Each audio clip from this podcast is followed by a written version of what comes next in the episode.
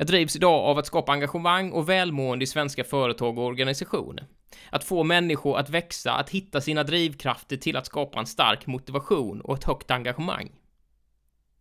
Hur vi mår privat påverkar såklart hur vi agerar på jobbet. Likväl, hur vi mår på jobbet påverkar också hur vi agerar i hemmet. För mig hänger allting samman. Och därför är 24-7 ett av de viktigaste mantrarna som jag har.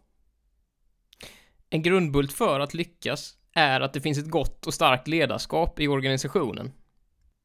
Ett ledarskap som vill människor väl, som vill se människor att växa och som lyfter och hittar de där drivkrafterna som skapar motivation och engagemang. Jag ger de fysiska verktygen som krävs för att företag och organisationer ska kunna ge förutsättning för ett ökat välmående och engagemang och ett starkare ledarskap. Så vill ni veta mer? Boka mig för en föreläsning. Följ mig på LinkedIn. Kolla in min hemsida kommunikativaverktyg.se.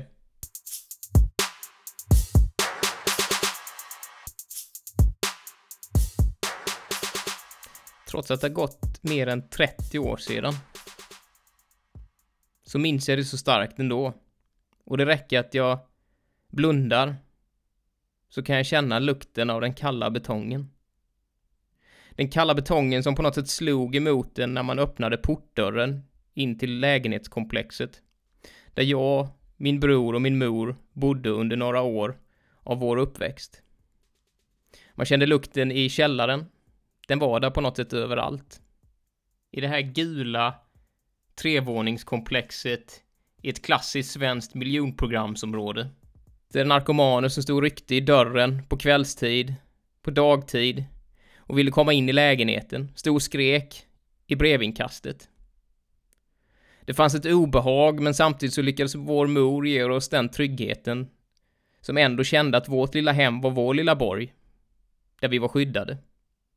Vi hade inte allting. Vi hade definitivt inte allting. Och vi hade en mamma som fick slita hårt för att få allting till att gå runt. Men hon försörjde oss och säkerställde att vi mådde bra. Och det är någonstans och var det viktigaste där och då. Vårt välmående. Men det var också det här välmåendet som jag blev allt mer intresserad av och som jag insåg att jag ville få det alla andra hade runt omkring mig. Många av mina vänner som fick allt det där de pekade på. Många av mina vänner som kunde åka på de där resorna som vi inte kunde. Det ville jag få. Och det ville jag skapa. Det blev också en av drivkrafterna som gjorde att det var ett mål som jag satte upp och jobbade för och har jobbat för. En drivkraft som sedermera visade sig vara helt fel. Trots att jag aldrig var något större läshuvud så sa min mor många gånger att ja men du är ju med, du gillar ju de här praktiska sakerna, du gillar att skapa saker. Det är bättre att du satsar på det. Men jag ville inte lyssna på det örat, utan jag ville plugga, för jag tänkte att det är säkert den enda vägen fram. Så efter min gymnasietid, efter min eh, tid inom lumpen och efter att ha provat på en del jobb så kände jag att nej, men nu måste jag plugga. Jag måste ju bli seriös någon gång. Skaffa mig ett ordentligt yrke så jag kan få det där perfekta yrket och den perfekta lönen och det perfekta huset och det perfekta livet. För det var det jag drevs av och det var det jag jobbade mot. Så jag pluggade inom media och kommunikationsvetenskap. Jag fick en fil. kand. Tre år. Och det var där jag på något sätt skulle växa och skapa mig en karriär. Ironiskt nog så lyckades jag inte eh, med en gång, kan man inte påstå, därför att jag hamnade ganska omgående in i en, en ond spiral av att inte komma ut på arbetsmarknaden och få ett jobb inom det jag var utbildad till. Detta ledde till att jag provade på en mängd olika andra jobb. Jag hann också bland annat bli polis däremellan och pluggade till, till det under två och ett halvt år. Men sen så småningom så kom jag in med en fot. Jag började jobba med kommunikation och jag jobbade inom både polisen med kommunikation. Jag hamnade inom eh, svenska finska bolaget Stora Enso och sedermera också Sveriges största bolag, eh, Volvo Group eller Volvo Group Trucks Technology som jag hamnade inom. Och under hela den här resan, drygt tio år med kommunikation, så kände jag liksom att där hade jag klättrat. Jag hade klättrat på karriärstegen, jag hade rest runt, jag hade flyttat. Men där och då hade jag på något sätt känt att jag hade kommit till en ganska lång del av min karriär och min dröm som jag hade, skapa det här drivet av att få det bättre mot vad jag hade när jag var ung. Jag hade fått det på något sätt det här materialistiska. Jag hade fått det fina huset med den fina utsikten. Jag hade fått den här dyra fina bilen, eller bilarna. Jag hade fått motorcyklarna. Jag hade fått klockan. Jag hade fått de här resorna. Jag hade det ganska bra ställt, hyfsad lön. Allting skulle ju vara perfekt då. Men det är ju det det inte var. Det var det som var så ironiskt, det var inte perfekt för fem öre. Och jag blev så otroligt fascinerad av vilka drivkrafter det är som, som gör en motiverad. Och jag insåg ganska snabbt att lönen är ju absolut inte det som du i slutändan blir motiverad av. Det är en grundbult, den behöver finnas där, den behöver vara på en rimlig nivå, men det är inte det som du egentligen i slutändan blir motiverad av. Så där och då, i Göteborg, i mitt i karriären, så valde vi i vår familj att lämna. Vi valde att säga upp och sälja vårt hus, säga upp mig från mitt jobb, för att satsa på det jobb som jag hade skapat. Under tre års tid parallellt så hade jag jobbat med att starta mitt egna företag. Och nu vill jag driva det fullt ut. Jag insåg också någonstans att min drivkraft var att skapa ett välmående. Ett välmående för mig själv, ett välmående för min familj, men också ett välmående för de människorna runt omkring mig som jag har. Det finns inget bättre än att kunna inspirera andra. Och kunna berätta om den resan som jag har gjort. Och alla lärdomar som jag har med mig. Och med den syn som jag har sett människor gå igenom i den verkligheten som jag sett till att jag själv har levt i ett ganska socialt utsatt område. Till att jag sett människor på verkligen på, på botten av samhället, både under mina uppväxtår men också när jag jobbade som polis. Till att jag själv har nästan stått där högst upp på någon slags karriärstege och gungat fram och tillbaka. Och insett vad är det för drivkrafter som styr oss människor. Och få andra till att inse att det handlar om att hoppa, det handlar om att våga, det handlar om att satsa på den känslan man tror är rätt. Det är det jag vill inspirera inom. För det är så många idag som säger en söndag och sucka, nu är det måndag igen. Det är så många som säger att bara det snart kan bli fredag igen. Och de lever för helgen. De lever för den där sommarsemestern eller lådvinet på fredagarna eller de lever för den där köksrenoveringen. Det är på något sätt det som är lycka för dem. Och sen så jobbar de extremt mycket för att upprätthålla den statusen. Men de känner sig ganska bortkomna någonstans ändå. Och de låser fast sig vid ett materialistiskt tvång som de inte kan backa ur ifrån. Jag valde att backa ur ifrån det. Jag valde att säga upp och sälja det huset som jag hade. Det var en ekonomisk smäll som hette duga, men vi valde att ta den. Därför att det finns bara en väg framåt för engagemang och välmående och det är att följa sitt hjärta, sin mage och tro på de insikterna som man har med sig från tidigare i livet. Och vi är många människor som oroar oss många gånger för vad som ska hända.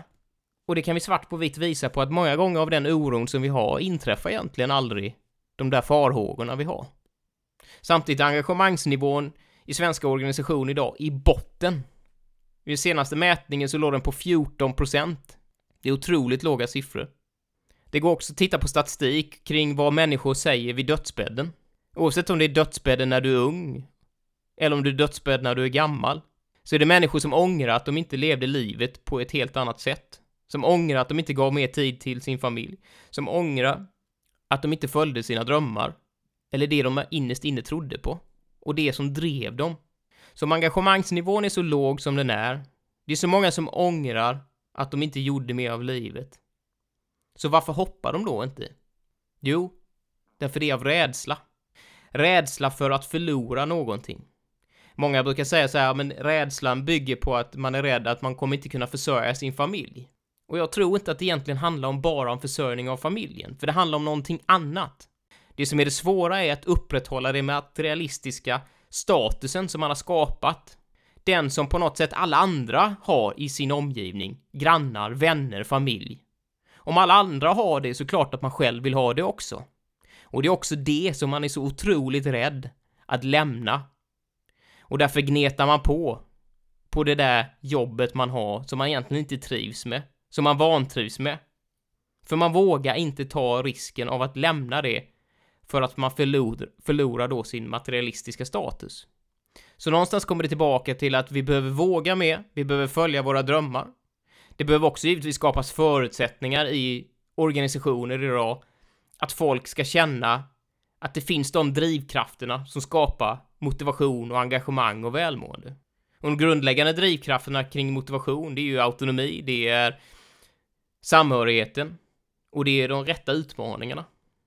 Autonomin kring att kunna få komma med egna åsikter och tankar och värderingar in i arbetet.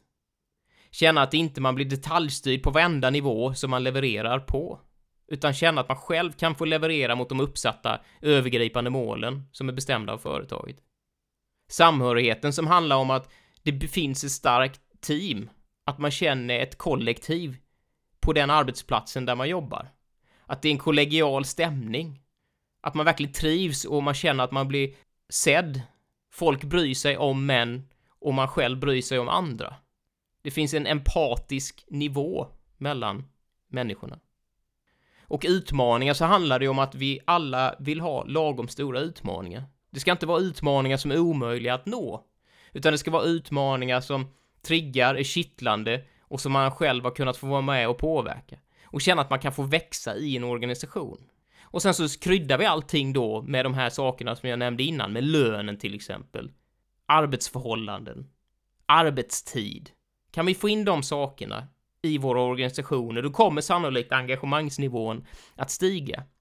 Kan också de människorna som känner att engagemangsnivån finns där, men jag vill ändå prova något annat. Jag vill följa en tanke, en känsla som jag har, som jag verkligen brinner för.